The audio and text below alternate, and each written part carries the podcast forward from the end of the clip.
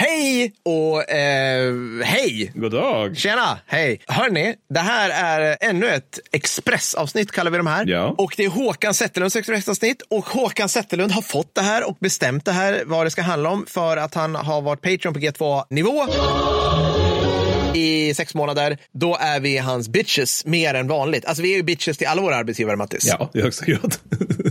Vi lyder deras nycker. Helt och hållet. Och eh, Håkan är en underbar människa för att han har bett mig Ja. att prata om krigsflygfält under andra världskriget i allmänhet och krigsflygfält, nu ska vi se, 16, det vill säga Brattforshedens krigsflygfält i allmänhet, vilket är fantastiskt roligt att prata om. Det, det här är smalt måste jag säga. Det här, är, det här är underbart, men jag älskar det för att det, det är så här, för det första så allting man läser om det här Mattis, skrivs av människor som älskar krigsflygfält. alltså som, som andas krigsflygfält, som bara insuper all som har beredskapen. Ja. också. Alltså, det, men det är ju det, det är ju de som skriver det. Ja, Så att ja, det är ju sällan visst. att du har någon så här, det, är- det är ingen så här sur, sur di- autodidakt på Wikipedia som bara vill ha en till artikel. Du vet, Nej, nej, att nej. Liksom, nej, men, nej, men det är lite grann som, de, jag tror det var Ola Söderholm som skäm- skämtade om det, det här när man tog Okänd soldat-filmen och klippte ner den för bio. Att han konstaterade att det, de, när killar går och ser den här filmen, det finns inga killar som är lite intresserade av att se en film om ett finns liksom, kulsprut och kompani på Karelska näset. Nej, och det är väl lite nej. samma sak med det här. Alltså, om man är intresserad av krigsflygfält, man är inte lite intresserad av det. då. Nej, man är nej, väldigt nej, intresserad man av är det. väldigt intresserad av det här. Med, med det sagt så kommer jag såklart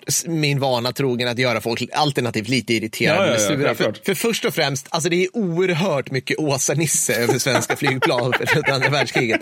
Alltså jag kan, det är, så, det är så svårt att ta det på, det är svårt att ta beredskapen på allvar ur, ett rent tekniskt, militärtekniskt perspektiv när Sverige brummade runt med antingen bomb och spaningsplanet. Och man vet att det är EPA när det är bomb och spaningsplan. Saab 17 i hisnande 400 kilometer i timmen i nedförsbacke med vind och nybajsad. Ja. Eller så spakade flygvapnet den uppsjö av överskottsjaktplan som stormakterna tröttnat på. Och då allting startades från överdimensionerade gräsmattor. alltså, det, det liksom, det är så första världskriget, du vet, när det var rö, röde baronen, Ja, ja. gick upp i en, envig. Det är den känslan. Men det här är liksom något som, det är något som när det inte är flygfält, som, eller innan man kan börja använda det som flygfält på eftermiddagarna måste man liksom schasa bort skolbarnen som använder fotbollsplan som på förmiddagarna. Så. Ja, och, få, och får, fåren måste också bort Ja, ja, såklart. absolut, absolut, ja, precis. Men man kan ju lätt avrunda en brännbollsmatch med, med några pilsner Ja, ja, på kvällarna. gud, liksom. gud, ja. Pilsner i såna här bruna glasflaskor. Det är de som är flygarna, de man hittar där som råkar spela brännboll helt enkelt. Ja, ja, visst. Kan ni flyga? Hur svårt kan det vara? Nej, det är sant. Alltså, det... Det är ett helt mekaniskt plan.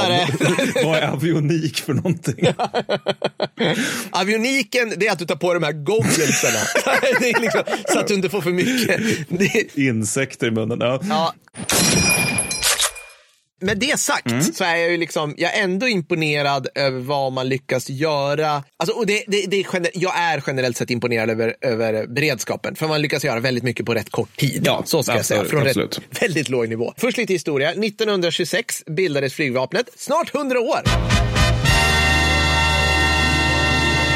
Jag ser fram emot det. Ja. Och de hade ett tiotal flygfält att tillgå, ofta tidigare övningsfält för armén. Vilket var att flygvapnet kom dit och sa, hej, vi nybildade försvarsgren, kan ni gå härifrån tack? Och armén säger, okej, typ. Den stilen. Och så får de skoffla i en värnsystem som övat i. Och du vet, Säkert inga problem med att man kör ner ett sånt när man ska flyga. Men Nej, väldigt bra nej, fråga. nej, det här, inte. Det här, nu, nu bryter jag ämnet faktiskt, men Ja, är inte det ganska tidigt med att, att det är en självständig försvarsgren? Alltså, för jag menar, US Air Force, det är väl 47? ja, mm. Och det är ju ändå lite bitigare än det svenska flygvapnet under mellankrigstiden. ja det, alltså rimligtvis. Men För in- Luftwaffe är ju också en självständig försvarsgren. Och R- jag vågar, du, men, du menar om US Air, alltså om, eh, Det kanske är att US Air Force är sena snarare. jag tror att de är sena. Ja, det kanske inte är som vis. ja. Eh, ja, Jag försökte liksom hitta något man- så här, liksom, så här punschpatriotiskt, att bara, ja, vi svenskar revolutionerade krigföringen, men det gör eh, först flygvapnet försvarsgren. Säkert. Alltså det skulle, jag har ingen aning om det är tidigt. Det får, det får, Håkan vet säkert det här. Ja, det han kan säkert höra av sig. Men förlåt, förlåt, eller var bortom Ja, men det är lugnt. Det är lugnt. Okej, och sen då 1939 fick regeringen av förståeliga skäl äntligen lite eld i baken och fastslog att man skulle ha 23 krigsflygfält på olika håll i landet. Mhm. Vad är då krigsflygfält? Vi kommer till det kan jag säga. Andra världskriget blev en chock. Ingen, och jag menar ingen, trodde att flygplan var så sårbara som de faktiskt var. Jag är inte ironisk, Nej, nej, utan nej, jag nej. menar verkligen på riktigt det. Alltså, det visar sig äh, vara mycket lättare att slå ut dem på marken än i luften. Nu är jag lite ironisk, det är en skräll här. För att det är det som händer, alltså, mina damer och herrar, på Operation Barbarossa i stor utsträckning. Då liksom Luftwaffe lajvar, nu ska vi se, IDFs flygattacker tidigt sexdagarskriget vågar jag dra till mig med. Liksom, slå ut saker på marken. Mycket trevligare än att skjuta ner dem i luften. Och hur som helst, men ännu mera visades liksom att så här, att, att svenska flygvapnet tittade på det här och såg så här, shit, det är också jobbigt för Luftwaffe 44-45 för då pulveriseras de också i stor utsträckning på marken. Vi måste liksom skydda flygplanen även väldigt mycket på marken. Hur som helst, nya principen i varje fall från 39 var ett fält per stridsflygdivision och tre fält inom 3 till 10 kilometer ifrån varandra. Alltså du skulle ha en slags utspridning från den här krigs eh, stridsflygsdivisionen så att de hade tre till fyra fält att sprida ut sig på. Så det är lite kul att vi var inne på spridning redan då. Just det, ja, innan bas 60. Ja, mm. Ja, precis. 1943 var alla 23 krigsflygfälten i drift, men bara ett fåtal hade hårdgjorda banor. Så att fortfarande är den här underbara, Gasmatta liksom. vi startar från den här picknickplatsen, liksom, känslan. Mm. 1945 i varje fall. avsluta Ja. picknicken och gå in i flygplan. Ja, kan man säga. Ja, exakt. 1945 hade Moder Sveas eh, krigsmakt fått upp ångan och nu fanns det 19 depå slash flottiljflygfält, alltså flygflottiljer rent ut sagt kallar man det här. F 1 till och med 19, F1, woho! samt 39 krigsflygfält och några övningsflygfält. Så nu, nu är liksom organisationen huabam, utspridd mycket. Så 39 krigsflygfält har vi här. Flygvapnet hade ändå hyfsat tidigt förstått att spridning var en grej. Och skyddet, skyddet för flygplanen väl ute på krigsflygfälten, det utgjordes av spridning efter fältkanterna eller på vägar nära fälten. Vilket jag antar att det går förbi en väg och man bara, vi taxar ut den där för att hur många bilar har vi som brummar runt i Värmland? 43. Alltså, det, det- finns det- tre nog- bilar. Det är Åke, Göran och Bertil som har tre bilar i Karlstad.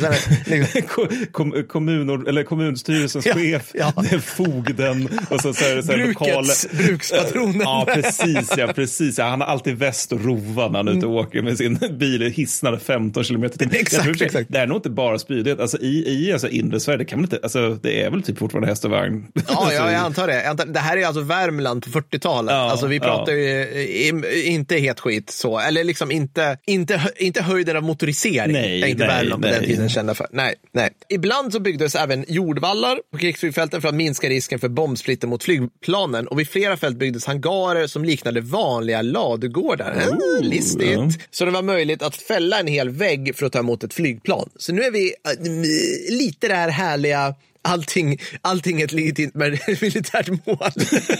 för att vi förklär, vi förklär förläggningar, krigsmateriel som civila byggnader. Jag tycker, Jag också, bara- det, det, jag tycker också det låter lite grann som det här Musse Piggs husvagnssemester Ja. på Kalle julafton. Man trycker på en knapp och en vägg fylls ner och så Det är exakt den. en av piloterna hamnar i liksom någon fläkt någonstans. Ja, ja, visst. Och du hade så här, jag tror att, det här har jag inte skrivit upp, men du hade någon sån här, på eh, där vid krigsflygfält 16, så hade du någon infartspost där det är liksom ett KSB-värn som är gömt också då i en del av en lada. Ja, alltså så här, ja. eh, vit, ja, Ja. väldigt roligt. Hur som helst, eh, om vi då eh, fokar in här lite grann på Brattforsheden. Den ligger längs väg 63 Mhm. mellan Karlstad och Filipstad. Och jag antar att Håkan bor i närheten som den driftige mannen är. Den började byggas hösten 39 som så många andra. Planen var att arbetet skulle vara slutfört till september året efter och i flygdugligt skick framåt sommar 41. Den beräknade kostnaden för att anlägga fältet var hisnande 301 000 kronor Oj, oj, oj, i dåtidens penningvärde. Oj, Uff. Jajamän, sju- sju och en halv miljon i dagens penningvärde, vilket jag tycker låter jättebilligt fortfarande. Ja, Men, också, ja. ja.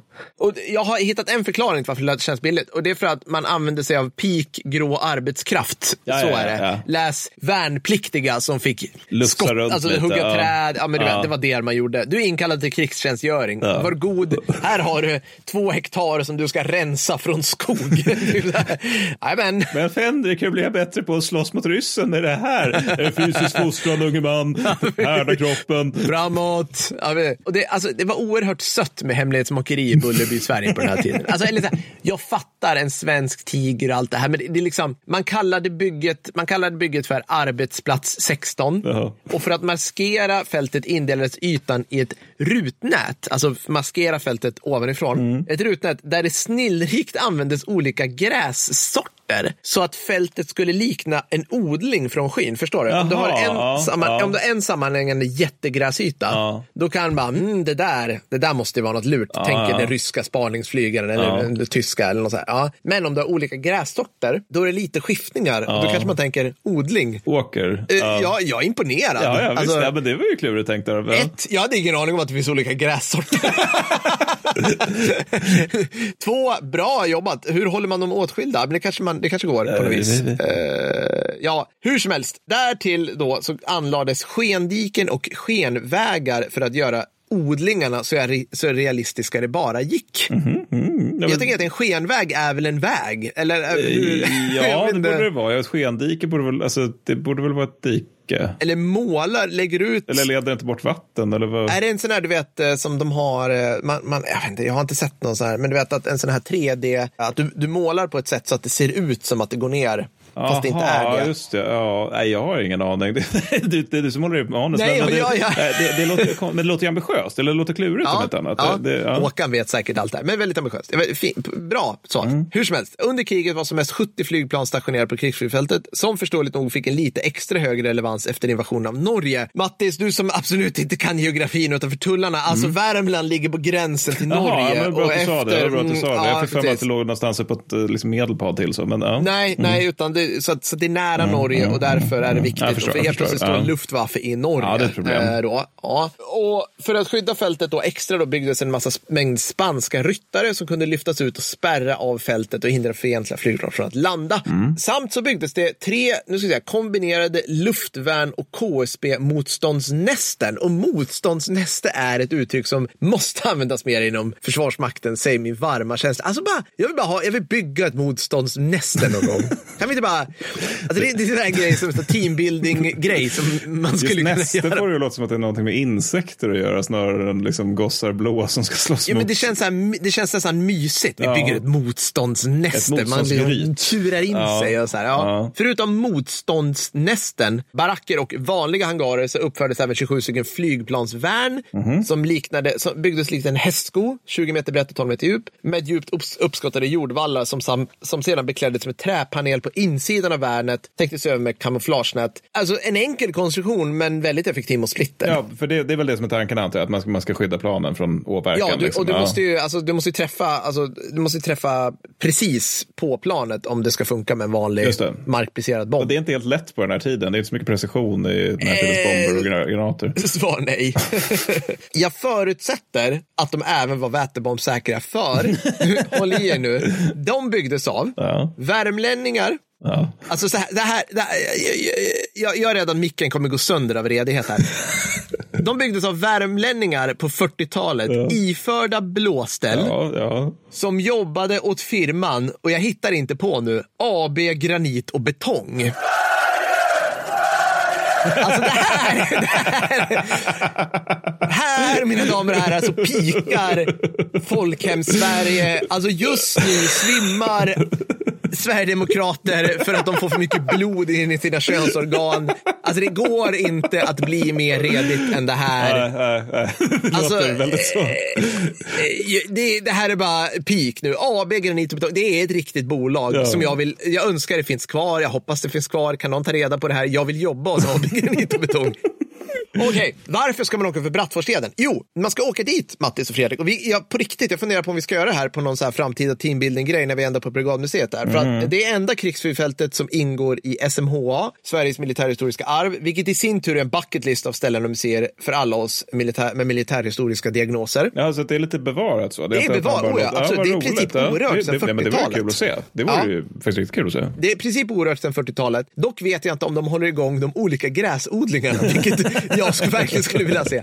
Hur som helst. Och det ligger i Värmland generellt, där höga halter av redighet, värnkraft och blåställ alltid finns inom 1,25 meter från dig. Mm, mm, mm.